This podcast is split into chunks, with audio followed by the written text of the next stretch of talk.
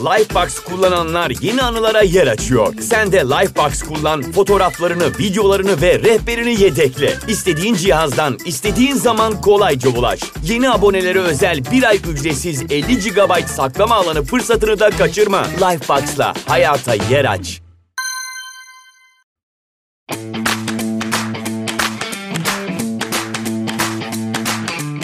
Merhabalar, Gelişi Güzel Hayallere hoş geldiniz.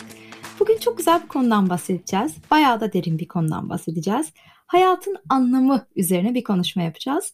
Ve bunu da Merve Karakuş'la yapacağız. Neden Merve Karakuş derseniz, Merve hayatının 7 ayını Tibet Budizmini öğrenmek için Nepal ve Hindistan'da geçirdi. Ve aslında hayatının anlamını o zamanlarda buldu. O yüzden Merve bize bugün hem kendi yolculuğundan hem de farkındalığımızın, kişisel farkındalığımızın özellikle hayatımızın anlamını keşfetmedeki rolünden bahsedecek. Merve hoş geldin. Hoş bulduk Emine. Böyle çok derin bir giriş yaptım. Üzerine çok sorumluluk yüklemiş gibi mi oldum ama Yok hiç olmadı. Lütfen. Süper. Yani şöyle son zamanlarda böyle hayatımızın anlamını keşfetmenin çok işte tatminkar bir hayat sürmek için gerekli olduğu üzerine konuşuyoruz. Her yerde işte hayatın anlamını bul, senin için güzel olan şeyi bul diye bir sürü şey okuyoruz. Ama biz bunu nasıl yapacağız? Çünkü çok derin de bir konu, çok geniş de bir konu. Burayı çok bilmiyoruz. Ve sen aslında çok anlamlı bulduğun bir iş yapıyorsun. Çok anlamlı bir hayat yaşıyorsun bizim önceki konuşmalarımızdan benim anladığım kadarıyla. Ve bunu tüm hayatına yaymak da çok büyük bir meziyet. O yüzden ben burada biraz senin başlangıç hikayeni dinlemeyi çok isterim. Eminim dinleyicilerimiz de bu konuda bayağı isteklidir şu an. Hikaye aslında Emine tam da senin bu bahsettiğin soruyu kendime sormakla başladı. Şöyle bir noktaya geldim. İnsanların benden istediği her şeyi yaptım. İyi bir okulda okuman gerekiyor dediler, okudum.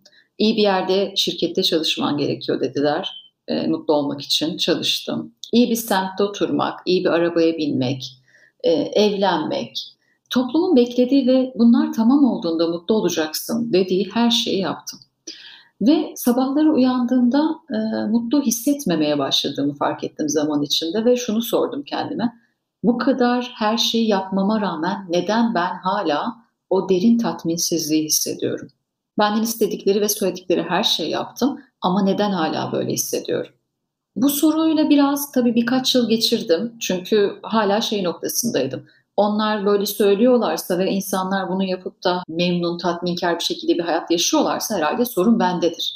Ben fazla sorguluyorum ya da ben fazla hayalperestim. Hep bu tarafı beni birazcık durdurdu. Ama öyle bir noktaya geldi ki benim bu anlam denilen şey, niye bu hayatı yaşıyoruz ve bütün bunların anlamı ne? Niye böyle hissediyoruz bu derin tatminsizliği, bu derin tatmin hissini bize ne verecek? Ben bu sorunun peşine düşeceğim diye işimden istifa ettim. Asya'ya bir bilet aldım ve iki sene boyunca farklı aylara yayılmış işte 6 ay, 5 ay, 7 ay gibi sürelerde e, Asya'ya seyahatlere başladım. Bu sorunun cevabını bulacağım. Bulmama ihtimalimi de göze alarak aslında bulamazsam eski hayatıma geri dönerim. Zaten buradaydım e, ve zaten bu hayatı yaşıyordum gibi bakarak e, ama büyük bir inançla yola çıktım. E, benim anlam arayışım böyle başladı. Bütün bunların anlamı ne, niye buradayız ve niye böyle hissediyorum sorularının cevabı için ve beni gerçekten ne mutlu eder, bizi ne mutlu eder? Evet, bu soruları aslında hepimiz soruyoruz. Hani yalnız değilsin. Ben de hep şeyi hatırlıyorum. Mesela bazı sabahlar oluyordu Merve. Uyanıyorum. Sabit bir şekilde yatağın içinde böyle gözümü tavana dikip bak- bakıyorum ve diyorum ki ben neden buradayım? Ben ne yapıyorum? Hani benim hayattaki amacım ne? O yüzden çok iyi anlıyorum. Ve şey bana çok dokundu açıkçası. Dedin ya bu kadar insan bunu yapıyorsa ve bana bunu söylüyorsa vardır bu işte bir hikmet. Ben mi fazla hayalperestim? Orada aslında biraz daha o iç sesimizi hep bastırıyoruz. O kendimize güvenme kısmını ya da eleştirel düşünme kısmımızı hep bir kenara itiyoruz. Çünkü öyle kalıplar içindeyiz ki toplum içinde. Sorgulama, tamam bu işin oluru budur, böyle git diye. O yüzden bana bayağı dokundu. Benim de çok tecrübe ettiğim bir şey o özellikle. E sen peki Asya'ya gittin anlam bulmak için.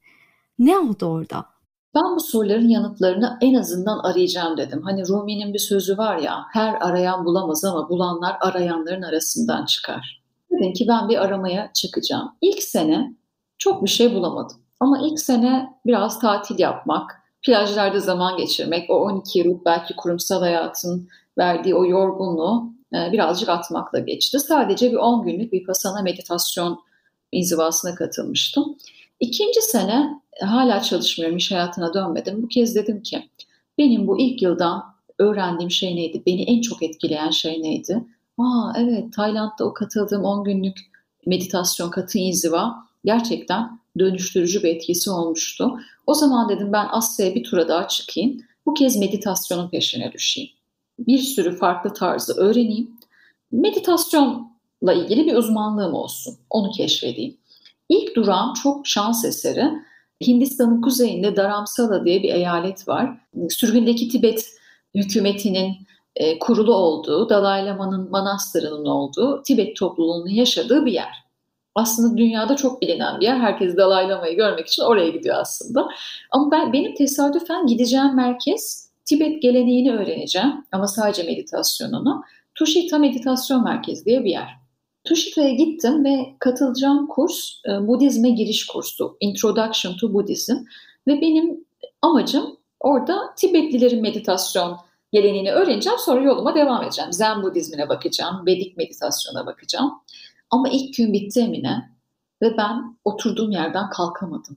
Ve şunu fark ettim. Ben buradan artık hiçbir yere gidemem. Neden? Bu spiritüel, ruhani çalışmalar ya da işte mutluluk, hayatın anlamı ile ilgili benim döne dolaşa herkese sorduğum sence ne, sence ne dediğim sorulara ilk defa mantıklı yanıt verme potansiyeli olan şeyler dinledim. Evet çok mantıklı anlattıkları şey, dedikleri şeyler ve etrafıma bir baktım salonun yarısı psikolog, psikiyatrist ya da ruh sağlığı alanından gelen insanlar. E, ve bir güven oluştu ve o 10 gün bitti ve ben bütün planımı iptal ettim. Manastırlarda kalmaya devam ettim. Oradan Bodgaya'ya geçtim. Bodgaya'da Buda'nın aydınlandığına inanılan bir yer. Haç merkezi Budistler için. Oradan Nepali Kopan Manastırı'na gittim. Ve ben manastırda e, onlarla birlikte yaşamaya başladım ve devamlı eğitim alıyorum. Ve vizemin süresi dolacak diye hatta çok üzülüyorum böyle. Vizemin süresi dolmasın biraz daha kalayım. Çıkıp girme planları yapıyorum. Böyle oldu. Yani Tibetlilerle tanışmak ve onların mutluluk anlayışı, bütün bunların anlamı ile ilgili açıklamaları beni çok etkiledi. E, hala da bu etki devam ediyor. İnzivalara gitmek istiyorum. E, bu yolda devam etmek istiyorum. Ve öğrendiklerimi insanlara farklı formatlarda e, burada aktarmaya çalışıyorum. E, o anlamda çok anlamlı bir hayatım var diyebilirim. Yani her gün uyandığımda şunu söylüyorum.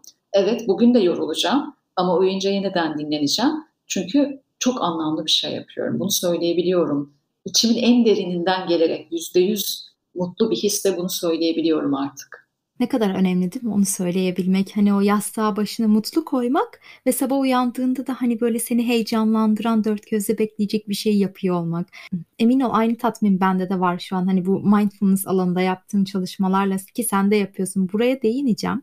Ama ve lakin sen dedin ya Tibetlilerin mutluluğun anlamına ilişkin mantıklı cevapları. Neydi onların mutluluktan anladığı? Sen orada ne öğrendin seni bu kadar etkiledi? Bütün planlarını e, iptal ettin de orada kalmak istedin. Şimdi çok derin bir şeyden bahsettiler. Ve böyle şey gibi diyorum ben Tibetlilerle tanışmama. Ben hayatın anlamını onlara sormaya gittim. Bana söylediler ve verdikleri cevap şu. Hangi hayat türünü yaşıyorsan yaşıyor olursan ol, hangi işi yapıyor olursan ol aslında yaptığın şey çok anlamlı. Biraz şey gibi oldu. Hani ben oraya gittim bana e zaten senin anlamlı bir hayatın olabilirdi cevabını verdiler. Söyledikleri şey şuydu. Biz uyandığımız andan uyuyana kadar kendimizle ilgileniyoruz aslında. Bu ben dediğimiz şeye fazla tutulmuş durumdayız. Aslında bizi gerçekten mutlu edecek ve tatmin olmuş hissedecek şey diğerleri için yaptıklarımız. Yani biz, Bütüne hizmet etmek. Evet, biz diğerleri ne bir şey yaptığımızda enteresan bir şekilde daha mutlu hissediyoruz. Çünkü dış dünyadan bu kendime doğru çekebileceğim her şeyin bir sınırı var. O yüzden bir ayakkabı aldığımızda mutlu olmayıp ikincisini istiyoruz. O yüzden bir eve taşınma hayali kuruyoruz. Ona sahip olduğumuzda bir ay sonra normalleşiyor, yeni bir şey istiyoruz. Bunun bir sonu yok.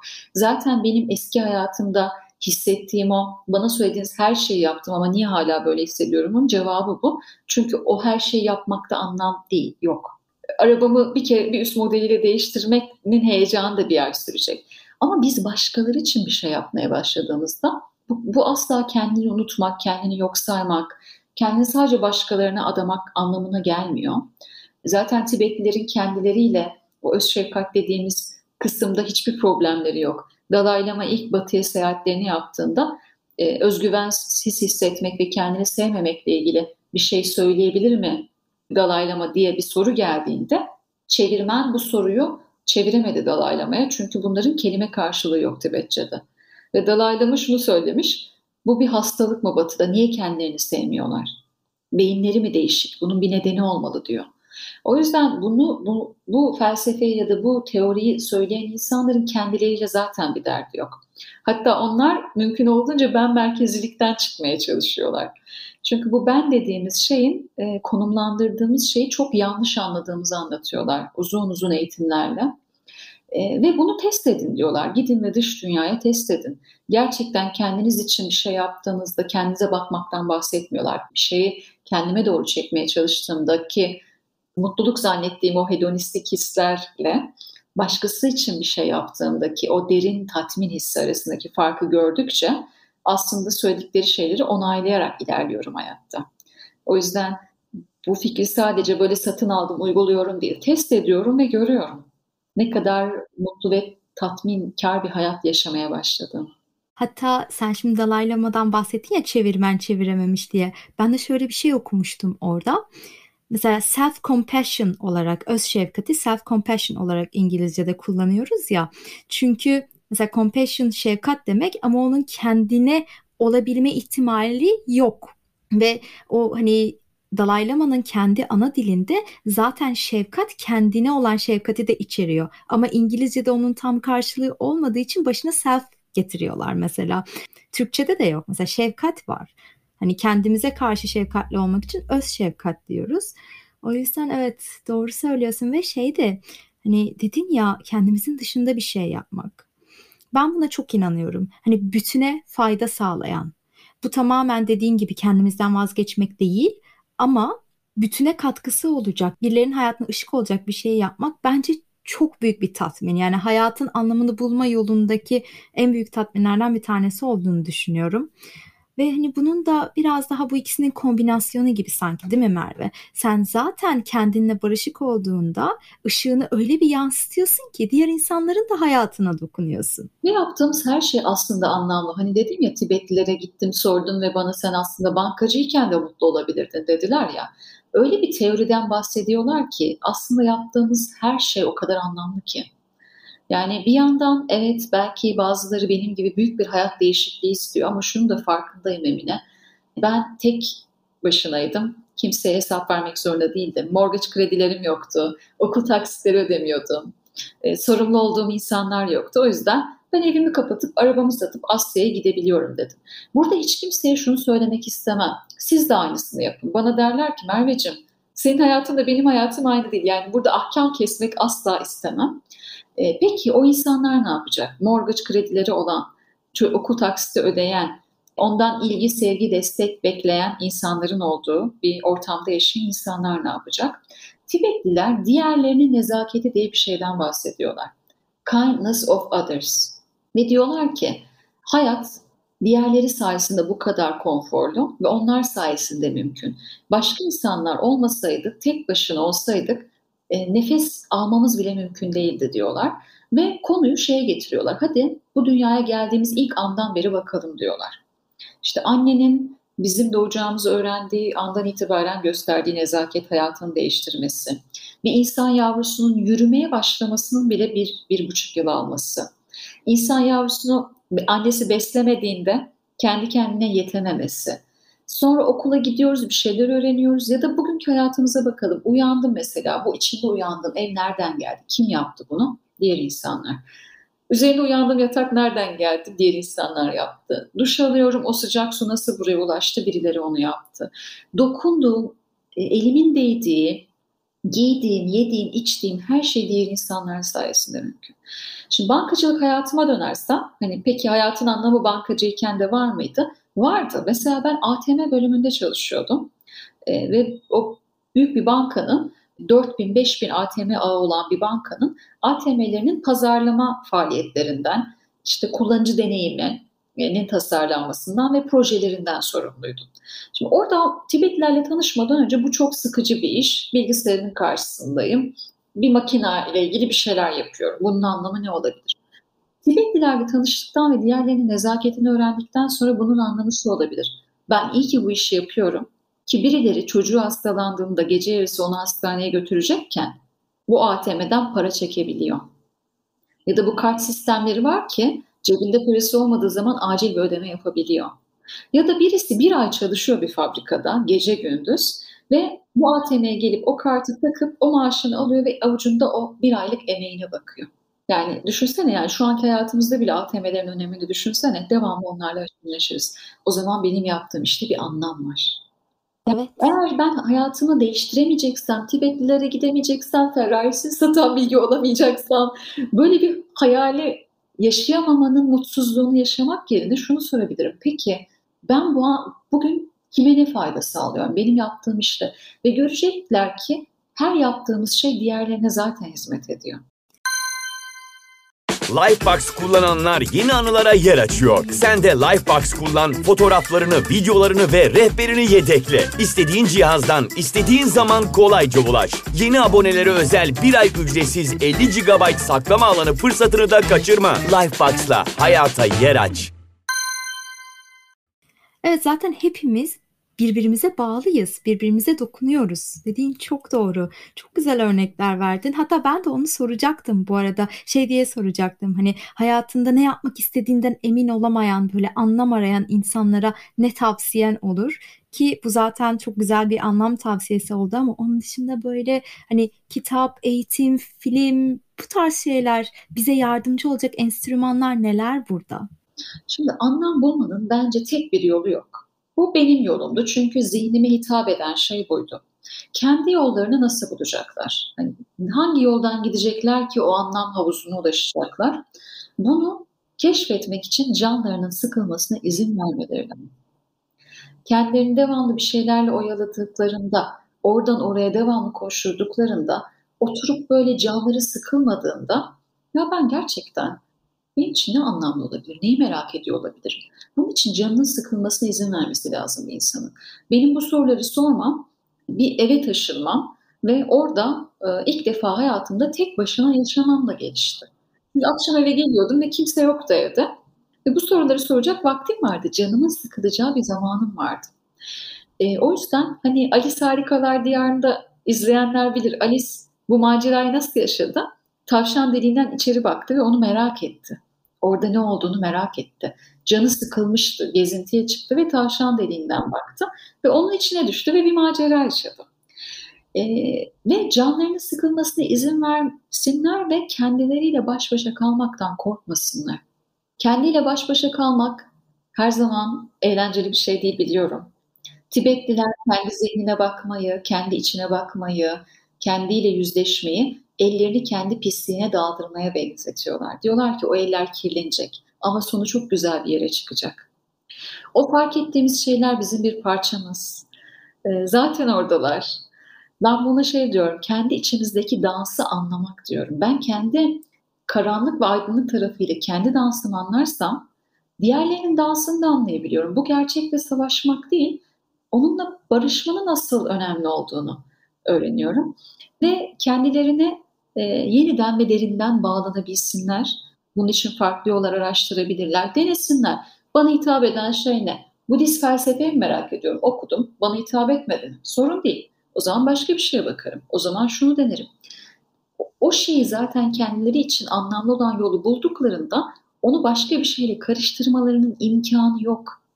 Yani ben o gün o oturduğum salondan ayağa kalkamadıysam o gün bittiğinde tamam budur dedim ve bir ateş yanmaya başladı. O ateşin yandığını görecekler ve o ateş yandığı sürece hiçbir şey onları yoramaz artık. Yorulsalar da dinlenip tekrar başlayabilirler. Kendilerini zorlamayacaklar. Her şey çok doğal gerçekleşecek. Bunun için bazen başkalarının hikayelerini dinlemek güzel. Mesela bugün beni diyecek, dinleyecekler ve benden ilham alacaklar belki ama ben olmamaya dikkat etsinler. Kendimizi bulmak aslında. Bununla alakalı çok güzel bir bölüm çektik. Özgün olmakla alakalı Erdem Aksakal'la.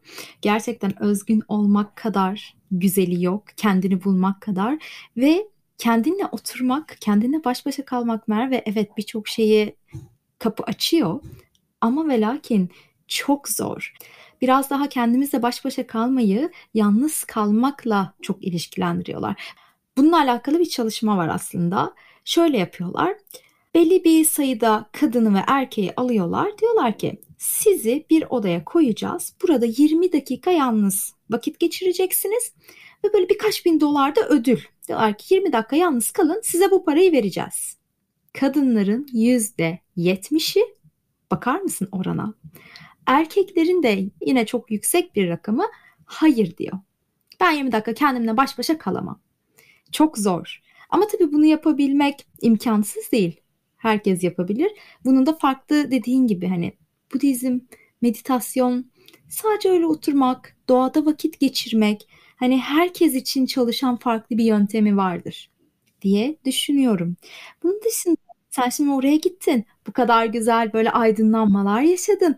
Ben şeye de çok hayran kaldım. Oraya nasıl bu kadar kolay alıştın? Yani o kadar güzel bahsediyorsun ki ister istemez çok farklı bir kültür olduğu için zorlanmışsındır. Ama ve lakin bir de döndükten sonra o güzelliği o tadı aldıktan sonra bir daha buraya dönünce de zorlanmışsındır diye tahmin ediyorum. Ama tabii bunlar hep tahmin. Yani nasıl o değişimi yönettin? Ondan sonra evet ya ben bunu yapmak istiyorum dedin. Mindfulness eğitmeni oldun. Hani ama karşına zorluklar çıkmıştır elbette ki. Bu zorluklarla nasıl baş ettin? Zorlukların hayatın bir parçası olduğunu kabul ederek başladım. Her şey gibi bu sürecin de sancılı olacağını biliyordum. E, tabii ki benim de şöyle sabahlarım ol, ol, oldu. Sabah uyanıyorum ve diyorum ki ben ne yapıyorum? Ben ne yapıyorum? Bu olmayacak. E, mis gibi işim vardı. Her şeyi bıraktım ve bir yola girdim. Tamam bazı cevaplar buldum ama şimdi bambaşka bunu meslek ediniyorum. Hani insanlara bunu öğreterek hayatıma devam edeceğim. Ben ne yapıyorum? Bu doğru şey mi diye sorguladığım zamanlar oldu. Ama Emine az önce söylediğim o ateş yanması e, konusu var ya yani içinde o ateş yanarken korksan da adım atıyorsun. Çünkü şunu biliyorsun artık yol bu. Korksan da bundan yürüyeceksin ve o cesaret o hani Tibetlerin söylediği biz hep anlam bulmayı yukarıya bizden daha büyük olan bir şey koyduğumuzda oraya doğru çekiliyoruz. Konunun içinde ben değil diğerleri olduğu için ve onlara yardım etmek olduğu için ve Tibetlilerle geçirdiğim aylarda bunun sadece konsept olarak öğrenip aa güzel bir fikir değil e, gerçekten derinden hissettiğim için hep o itici güç o oldu. Bu kadar çok e, işte Instagram canlı yayın yapmamın nedeni de o. İşte eğitimlere gelemeyenler aman onları dinlesin. Aman meditasyonlarımı ücretsiz kaynaklara koyayım oradan da dinlesinler. Aman belki şunu da okusunlar. Çünkü Tibetler hep şunu diyordu bana. Hepimize diyorlardı. Bir şey yapamıyorum dediğimizde diyorlardı ki peki ne kadarını yapabilirsin? Örneğin ben hmm. et yemekten vazgeçemem. Peki ne kadar az yiyebilirsin? Nelerden vazgeçebilirsin? Azaltabilir misin? Tamam süper o zaman azalt. Bu da bir şey. Hep ne yapabilirsin? Ne yapabilirsin? E, o yüzden e, ben de hep ona dikkat ediyorum. Ne yapabilirim? Bu kadarını yapabiliyorum. O zaman bu kadar. Çok zorlansaydım ve bu yolda yürüyemeseydim, önüme bir sürü engel çıksaydı, eski hayatıma dönmek zorunda olsaydım ne olurdu? Artık rahatlıkla dönebilirdim. Çünkü yaptığım işte de anlam olduğunu biliyordum. Ve bu öğrendiklerimle benim herhangi bir topluluğun içinde yer almam, kendimi övmek için söylemiyorum. Bir insanın belli sorularına cevap bulmuş ve birazcık anlam bulabilmiş her insan için geçerli bu. Sadece toplulukların içinde yer almanız bile yeterli. İnsanlar size soruyorlar. Ya burada herkes kızdı ama sen kızmadın. Ne oldu? Hı hı. Sende bir şey var. Bir şey oluyor daha sakin görünüyorsun. Ya da kurduğun cümleler çok güzel. İnsanlar sana zaten çekiliyorlar ve onları etkile, etkileyebiliyorsun. O yüzden Ha bankada etkilemişim, ha sokakta yürürken etkilemişim, ha mindfulness eğitmeni olarak ki diğerleri de beni etkiliyor tabii ki.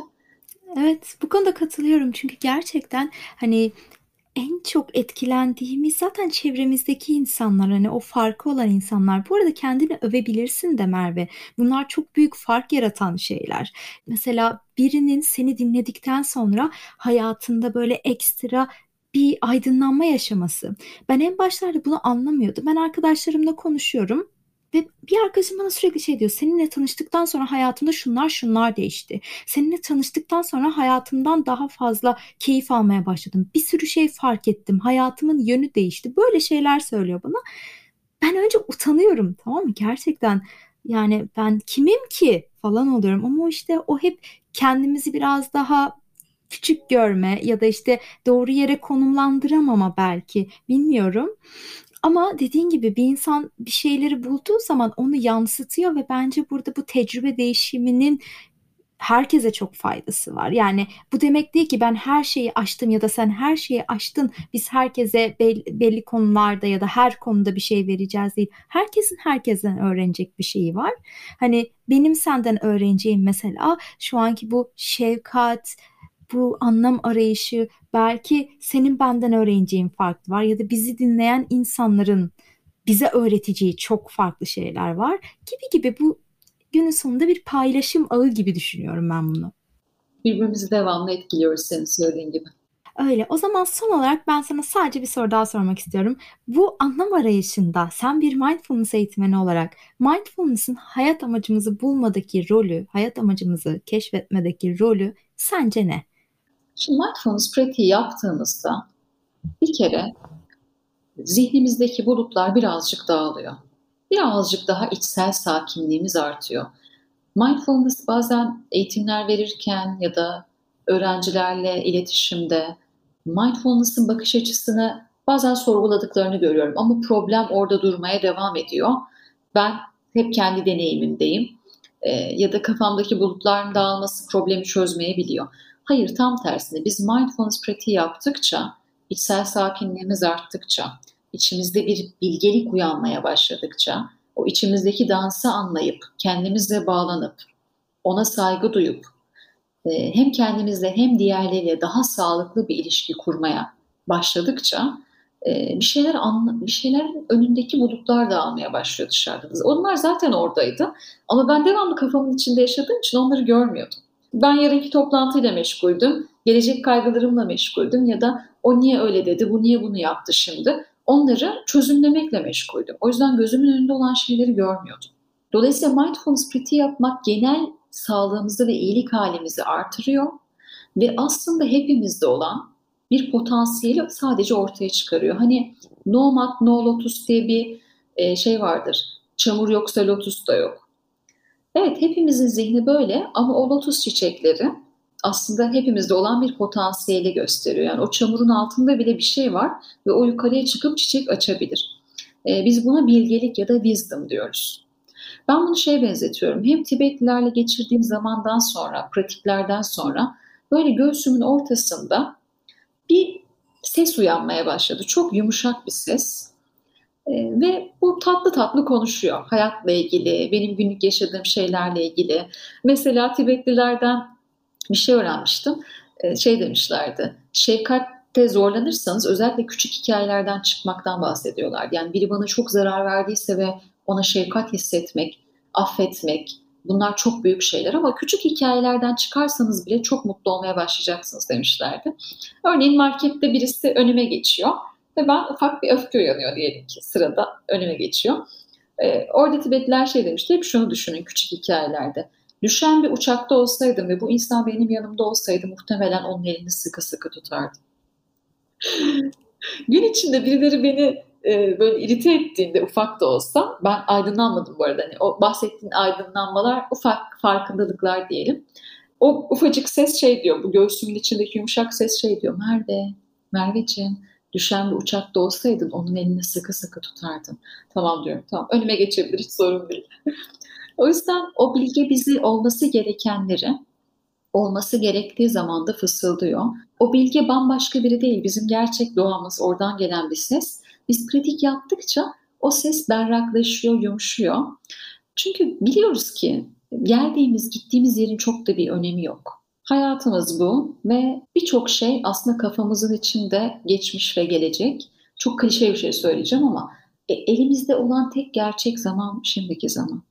Ve şimdiki zamanda fark ettiklerimi, bu anda hissettiklerimi, duygularıma, düşüncelerime, bedensel hislerime, diğerleriyle bu andaki ilişkim üzerinde bir şeyler yapabiliyorum.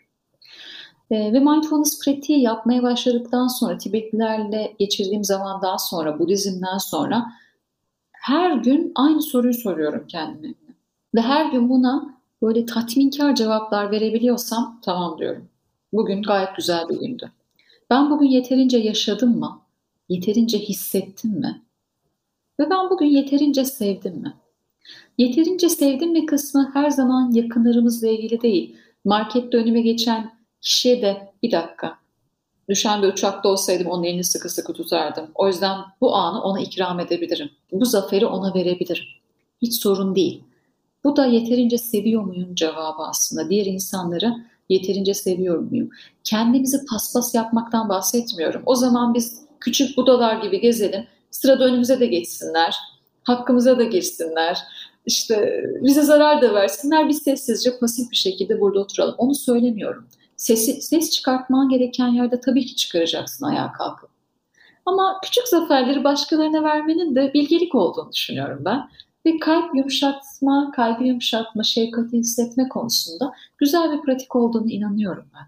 Şu an böyle seni dinleyince bana en çok rezone eden kısmı da şey oldu. Küçük zafer. Bırak o onun zaferi olsun. Onun için kendini sinirlendirmeye değmez. Aynen o şekilde.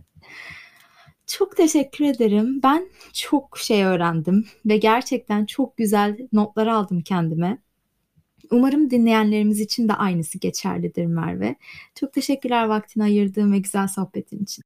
Çok daldan dala atladık, heyecanlandım çünkü bu konular beni gerçekten heyecanlandırıyor. Uyandığım andan uykuya dalana kadar bazen rüyamda bile hep bunlarla meşgulüm. O yüzden bunları anlatmak ve sessiz söylemek benim için çok değişik, anlamlı. Fazla heyecanlandıysam lütfen dinleyenler kusura bakmasınlar.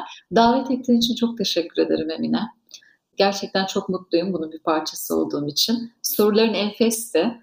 Ee, üzerinde konuşmaktan çok keyif aldım. Seni dinlemek de çok güzeldi. Çok teşekkür ederim. Bu sesin heyecanlı sesinse çok merak ediyorum. Sakin sesin nasıl?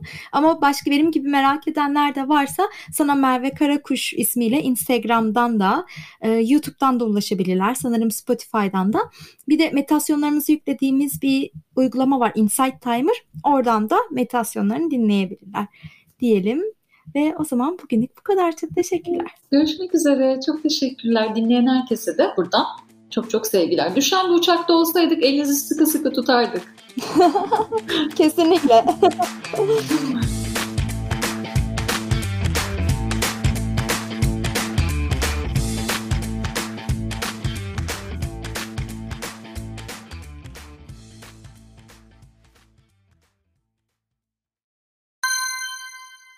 Lifebox kullananlar yeni anılara yer açıyor. Sen de Lifebox kullan, fotoğraflarını, videolarını ve rehberini yedekle. İstediğin cihazdan, istediğin zaman kolayca ulaş. Yeni abonelere özel bir ay ücretsiz 50 GB saklama alanı fırsatını da kaçırma. Lifebox'la hayata yer aç.